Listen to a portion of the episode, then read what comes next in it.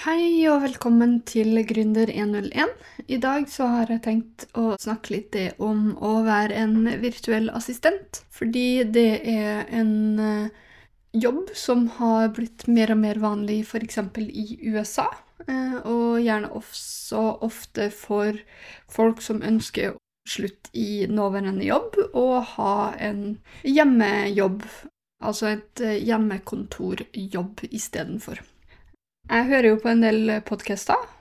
Veldig mange av de gründerne som jeg hører på, de starta ofte som en virtuell assistent før de fant ut hva businessen sin skulle handle om. Og det var en fin måte for dem å finne ut av felt de likte å jobbe innenfor, samtidig som de kunne tjene litt penger. Ofte var det også sånn at de her gründerne eller virtuelle assistentene de hadde lyst til å ha en hjemmejobb som gjorde til at de kunne være mer med familien sin og være mer med sine barn.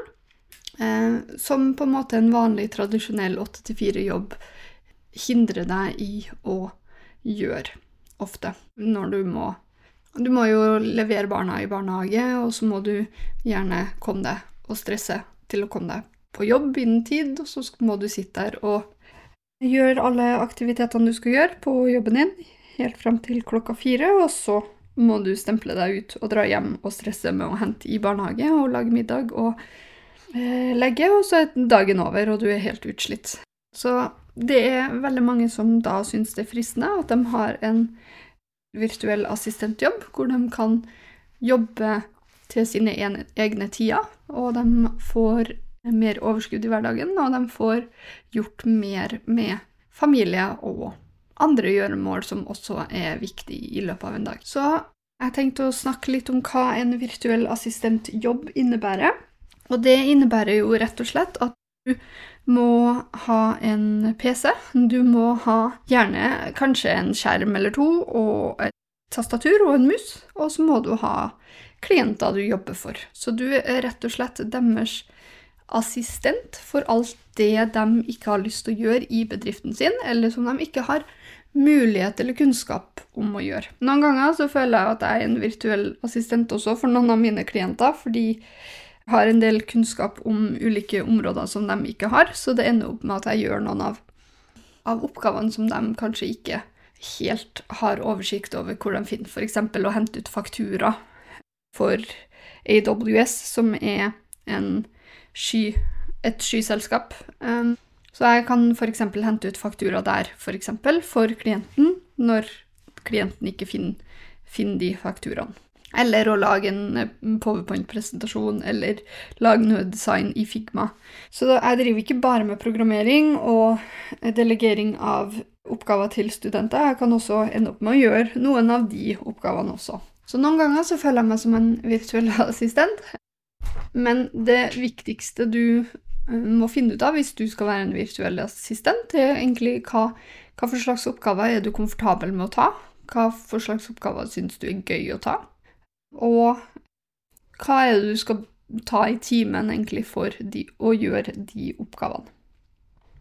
Så som sagt så må du ha en tastatur, du må ha mus, PC, skjerm og gjerne klienter. De her klientene kan man finne overalt, men rett og slett så er det jo prøve å kontakte dem via ulike medier. Eh, gjerne oppsøk dem, kanskje finn informasjon om dem i Brønnøysundregistrene, og ta kontakt enten ved telefon eller e-post, og hør om det er noe arbeid som de ikke har lyst til å gjøre, som de har lyst til å sette vekk for en billigere penge. Da frigir du dem tid til å gjøre andre ting i selskapet, så det er veldig lurt. Ikke alle som ser gevinsten av det i begynnelsen, men det er definitivt en gevinst for, um, for uh, sjefene eller noen andre ansatte å ha deg på laget. Og så er hovedsakelig arbeidsoppgavene til en virtuell assistent er å gjøre endringer på en nettside. Man kan legge ut blogginnlegg og artikler. Man kan justere tekst. Man kan det, korrekturlese tekst på nettsida for å fikse det. Man kan hente ut faktura, fakturere folk. Man kan laste opp faktura. Man kan få tilgang til banken og drive og betale faktura, rett og slett.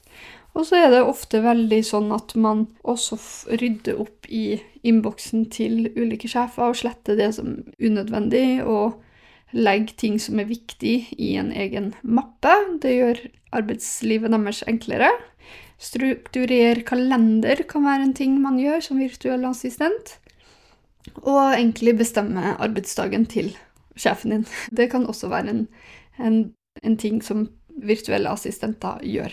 Så man starter jo alltid én plass, fordi det er ikke sikkert at sjefen heller vet hva han eller hun har lyst til at du skal gjøre for dem. Men ofte så bygger det seg på når de på en måte ser at du er en person de kan stole på. At du er en trygg person som de kan sende oppgaver videre, og at de er betrygga i at du faktisk gjør oppgavene du får delegert. Og så er det jo sånn at det er jo ikke sikkert at du har lyst til å gjøre alle de oppgavene som de ber deg om å gjøre. Så etter hvert så må man jo også sette, fastsette rammer for hva man har lyst til å gjøre for en klient. Da går det an til å oppdatere en kontrakt, eller man kan lage en ny kontrakt. Og så er det viktig at man på en måte fastsetter de her rammene med nye klienter når man oppdager at det er noe man ikke har lyst til å gjøre. Sånn, at eh, virtuell assistentjobben omfatter ikke det, det, det, det. Da må de skaffe seg en annen person til å gjøre det, f.eks. Mm, så du skal egentlig bli en sånn her altmulig mann eller altmulig kvinne som gjør alt det en person ikke har lyst til å gjøre. Men på samme tid så er du ekstremt verdifull fordi at du får den andre personen til å senke skuldrene når det gjelder enkelte ting. Du får frigjort tankene til den personen. Da slipper dem å tenke på alt det der, og det er utrolig verdifullt. Og de kommer til Hvis du blir en er eller blir en virtuell assistent, så skal på en måte klienten prisgi deg fordi du er helt gull, rett og slett. Så hvis det er noen som er interessert i en virtuell assistentjobb, så er det bare å eh, ja, undersøke der ute. Det er noen som legger ut sånne stillinger. Jeg sjekka faktisk på Nav, og jeg så ikke en eneste stilling, så jeg tror ikke det har blitt så særlig typisk i Norge å være en virtuell assistent. Så hvis hvis det faktisk er sånn, så har du faktisk en god mulighet til å bli folk sine virtuelle assistenter. For da har du ikke så mye konkurranse blant mange andre. Og så går det an til å ta kontakt med meg også, fordi jeg har lenge tenkt på å ha meg en virtuell assistent, men har ennå ikke skaffa meg det. Så det kan godt være at jeg vurderer på nytt igjen å skaffe meg en virtuell assistent som kan avlaste meg, f.eks. Når det gjelder pris, da, så er det jo litt sånn variert hva man kan sette i pris. Ofte så kan man jo gjøre det sånn at man tilbyr en lavere pris i begynnelsen, eh, for så å øke den prisen hvis den personen er fornøyd med det, bare helt fram til du får referanser. Fordi det å ha eh, referanser eh, gjør til at du har muligheten, altså fornøyde kunder, gjør jo til at du har muligheten til å øke prisen din hos de andre. Og så er det alltid lurt å revurdere prisene på nyåret. Sant? At man setter opp prisene sine på nyåret. Um, og så må du også vite at hvis de skal faktisk booke deg en hel dag, da, at du skal kun være deres virtuelle assistent én dag, så er det høyere pris enn om du kan gjøre oppgavene i løpet av en uke. sant? Fordi hvis de skal betaler deg en lavere timespris, så må de også være fleksible med at du gjør det når du faktisk har tid, versus hvis de vil at du skal være mindre fleksibel, så skal det ha en høyere kostnad. Så det er veldig, veldig viktig å tenke på også. Men etter hvert så kan du fint greie å skaffe deg en god månedslønn på å være en virtuell assistent. Anbefaler også å starte med kun et par klienter i begynnelsen, bare for å få inn rutinene på de klientene, for så gå videre til andre klienter senere. Så det er lettere å inkorporere flere og flere klienter etter hvert enn å på en måte starte med åtte stykker, da, og så føler man seg som en høne med avkappa hode som flakser rundt og vet ikke helt hvor, hvordan de skal strukturere tida si. Men tenk på det. Tenk f.eks. at du skal starte med typ 300-350 kroner timen, 400-450 kroner timen. Sett deg en pris, og Start med det, og så øker du prisen for nye klienter eller for de nåværende klientene du har, etter at du har jobba for dem en stund. Sant? Og så burde man også si tydelig fra i begynnelsen at ok, jeg kan starte for 350 kroner i timen, men om tre måneder så har jeg lyst til at vi skal reevaluere avtalen vår, eh, og eventuelt øke den prisen til noe annet når, når vi har på en måte sett om det her samarbeidet fungerer bra, og at du er fornøyd med meg. For da ser jo de også verdien de har fått av at du gjør ting, og da er det lettere for dem også å se verdien i det når de skal gi deg en rett og slett en lønnsforhøyelse også. Og så er det veldig viktig da, når du har um, en virtuell assistentjobb og jobber på timesbasis, så er det veldig viktig at du bruker sånne tidstrackingsverktøy for å kunne håndtere alle de kundene du har. Og da bruker jeg noe som heter Toggle, eller Toggle, som det heter. T-o-g-g-l.com. Den er gratis. Du kan også kjøpe premium, selvfølgelig, men den er gratis å bruke. Og den på en måte kan være en extension i Chrome, du kan bruke den som en app. Eller du kan eh, rett og slett uh, bruke den som en sånn desktop-dashbord også. Jeg mente ikke desktop-dashbord, sorry.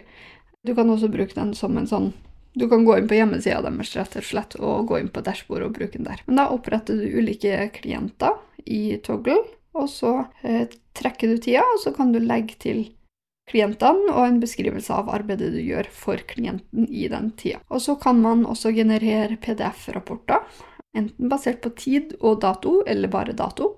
Og så kan man legge ved den toggle track-PDF-en når man skal fakturere kundene, rett og slett. Det syns jeg er en veldig grei måte å gjøre det på, der jeg fakturerer timespris.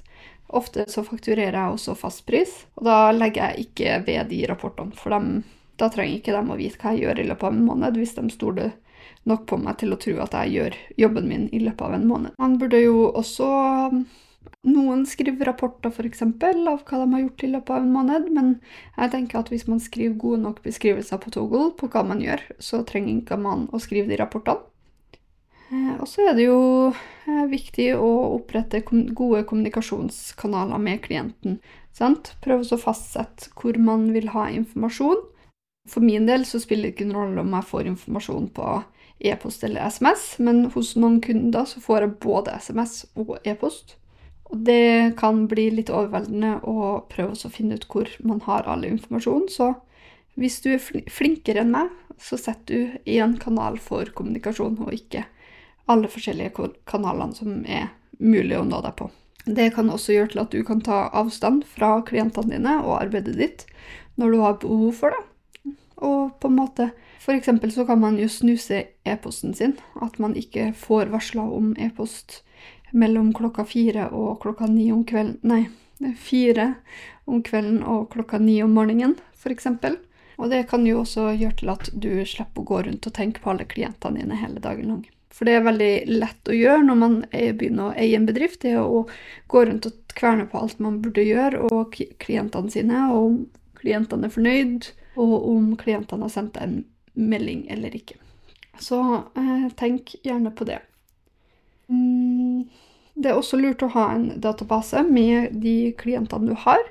Og hvis det er noen klienter du etter hvert avslutter forholdet med, så er det lurt å sende dem en jevnlig oppdatering på om de ønsker å ha noen timer med deg, og booke noen timer med deg som du eh, bruker. Dette er en sånn fin måte å ha en fast inntekt ved siden av på. Si at de booker ca. to timer i måneden med deg, da, og at det blir en fast pris på det. Så betyr ikke det nødvendigvis at du gjør de to timene i måneden av arbeid med dem, men de har på en måte booka deg inn til å eventuelt bruke de to timene. For husk at din tid er verdifull. Eh, din tid måles rett og slett i penger hvis du er en virtuell assistent. Og hvis folk skal ha krav på din tid, så må de faktisk betale for det. De kan ikke Og da er det veldig sånn Det man lærer etter hvert, er at du skal ikke ha klienter som på en måte gjør krav på det der og da, og skal ha det pronto eller asap. Da skal de betale dyre penger for at du skal faktisk serve dem den premium-erfaringa.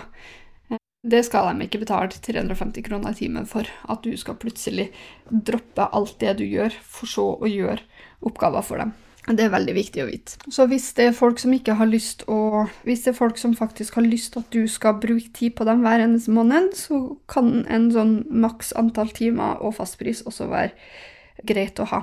Og så er det deres ansvar å si ifra når de har behov for dine tjenester eller ikke.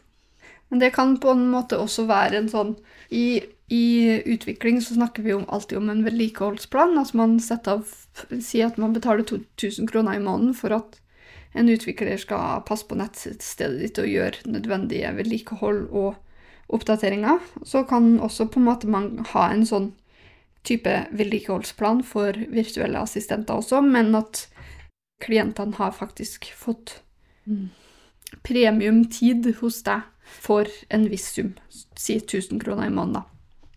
Eh, og da får de to timer med deg som de er sikre på at de kommer til å få, og at det er ingen andre klienter som da foretrekkes fremfor dem, f.eks. Det er sånn som man må vurdere. Jeg håper jeg, håper jeg gjorde meg forstått her på den siste tanken, men det kan være en god ting som kan sikre deg en fast inntekt i måneden også. Ofte er det sånn at man også får jobba gjennom bekjentskap eller um, henvisninger, så det er alltid lurt å snakke med klientene og spørre om de kan eh, kjenne noen andre som kan ha behov for deres tjenester, virtuelle tjenester, dine virtuelle tjenester. For det er en genial måte for deg å få klienter som kanskje hører til den samme klientgruppen som den nåværende klienten du har. Mm. Det er også viktig sånn i forhold til ferie sånn, å avklare når du på forhånd når du drar på ferie, sånn at folk ikke plager deg i feriene dine. Mm, si at eh, du er, har redusert tilgjengelighet i den og den perioden, og hvis det er noe veldig, veldig viktig i den perioden, mm, så må de avklare det på forhånd, eller de må rett og slett vente til du er ferdig på ferien din. Det betyr ikke det at du nå skal holde deg med eh, kun fem uker ferie eh, i løpet av et år. Du bestemmer sjøl hvor mye ferie du skal ha. Sant? Du må jo regne det her ut ifra inntekten din, men det finnes jo virtuelle assistenter som tjener utrolig godt i, en, i virtuelle assistentjobben sin, og som tar lenge ferie. Åtte uker ferie, ti uker ferie, og drar og reiser med familien og sånn. I den perioden så kan det være at det er noen virtuelle assistenter som jobber litt på kveldstid eller på morgenen mens familien sover. Eller så er det noen som tar rett og slett helt avstand fra jobb mens de er på ferie. Men det er denne fleksibiliteten du kan ha som en virtuell assistent. Og så finnes det jo også de virtuelle assistentene som delegerer arbeidet videre til andre virtuelle assistenter mens man er på ferie, sånn at man får helt, helt fri.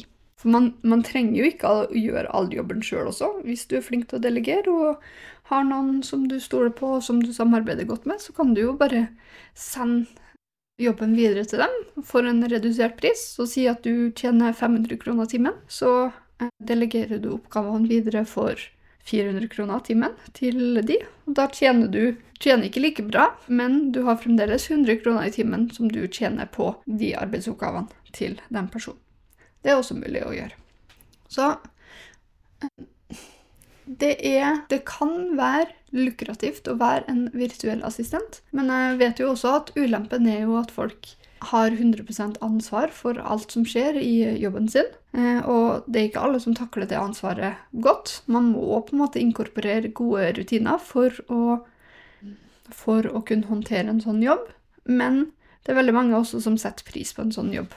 Å ha den fleksibiliteten som man ønsker seg, da. Men før du starter en sånn jobb, eller hvis du har en sånn jobb, husk er, hvorfor starta du den jobben? Var det pga. fleksibiliteten? Ja, da må du ha den i mente gjennom hele tida du faktisk er en virtuell assistent, og du må passe på at du ikke skal glemme deg sjøl oppi det her. For det er veldig lett å bli overarbeida og gjøre en ekstra god innsats, sant? Men den ekstra gode innsatsen skal være for din del, og ikke for klientene sin del. sant? Du Hvis du starter denne jobben for fleksibilitet, så er det veldig viktig at du faktisk setter av tid til din fleksibilitet og din frihet i hverdagen som du faktisk ønsker deg. Jeg starta bedriften min litt fordi at jeg har lyst til å være økonomisk uavhengig senere, så jeg, det gjør ikke meg noe om jeg jobber litt ekstra. Jeg elsker å jobbe masse, masse, masse. Syns det er veldig gøy. Sant? Jeg får energi av å jobbe. Men så har jeg jo de periodene hvor jeg er ekstremt sliten også. Og må bli flinkere da til å huske å sette av tid til meg sjøl i tillegg. sant? Og ikke bare tenke på at ja, men jeg må gjøre det for den kunden, og jeg må gjøre det for den kunden, og eh, hva om kunden kontakter meg sånn? Nei, da må du bare tenke fuck it, det går fint. Om, de ikke, om du ikke er der hele tida. Du må også ta vare på deg sjøl og passe på deg sjøl. Det må jeg bli flinkere til. Og jeg håper at du starter egentlig med akkurat det, så du slipper å bli flink på det. Bare vær flink på det fra starten av. Og hvis du ikke er flink på det fra starten av, så bare husk å ha det i bakhodet, ha det i mente. Jeg skjønner godt hvis du ikke klarer det, fordi det er så enkelt å falle i den eh, Hva heter det? Fall i den Gå i den fallgruva med å ikke klare fordi at man har lyst til å please hele tida. Det er jo det på en måte en virtuell assistent har lyst til å gjøre. Man har lyst til å jobbe for andre og please andre. Det hørtes litt fælt ut, men, eh, men litt, litt, riktig. Man, man er jo serviceinnstilt som en virtuell assistent. OK, det var OK, det var episoden i dag. Jeg håper du fikk eh, nok ut av det å være en virtuell assistent, og at eh, det kunne kanskje være noe som du kunne ha tenkt deg å være, eller eh, noe du kunne ha tenkt deg å ansette. Ta gjerne kontakt med meg hvis det var noe. Jeg holder jo alltid å snakke om at eh, dere kan ta kontakt med meg på e-post, altså monikaalfakrøllexuma.no, men det skader ikke å ta kontakt med meg på Instagram eller Facebook eller LinkedIn også. Jeg vil gjerne høre fra dere. Um, og så hadde det vært veldig gøy å spille videre på deres tanker etter denne podkasten også. Jeg syns det er utrolig gøy å snakke med andre og samarbeide med andre om tanker og ideer, sånne ting. Så bare ta kontakt hvis det er noe. Den er grei. Da snakkes vi, og på gjensyn. Adjø.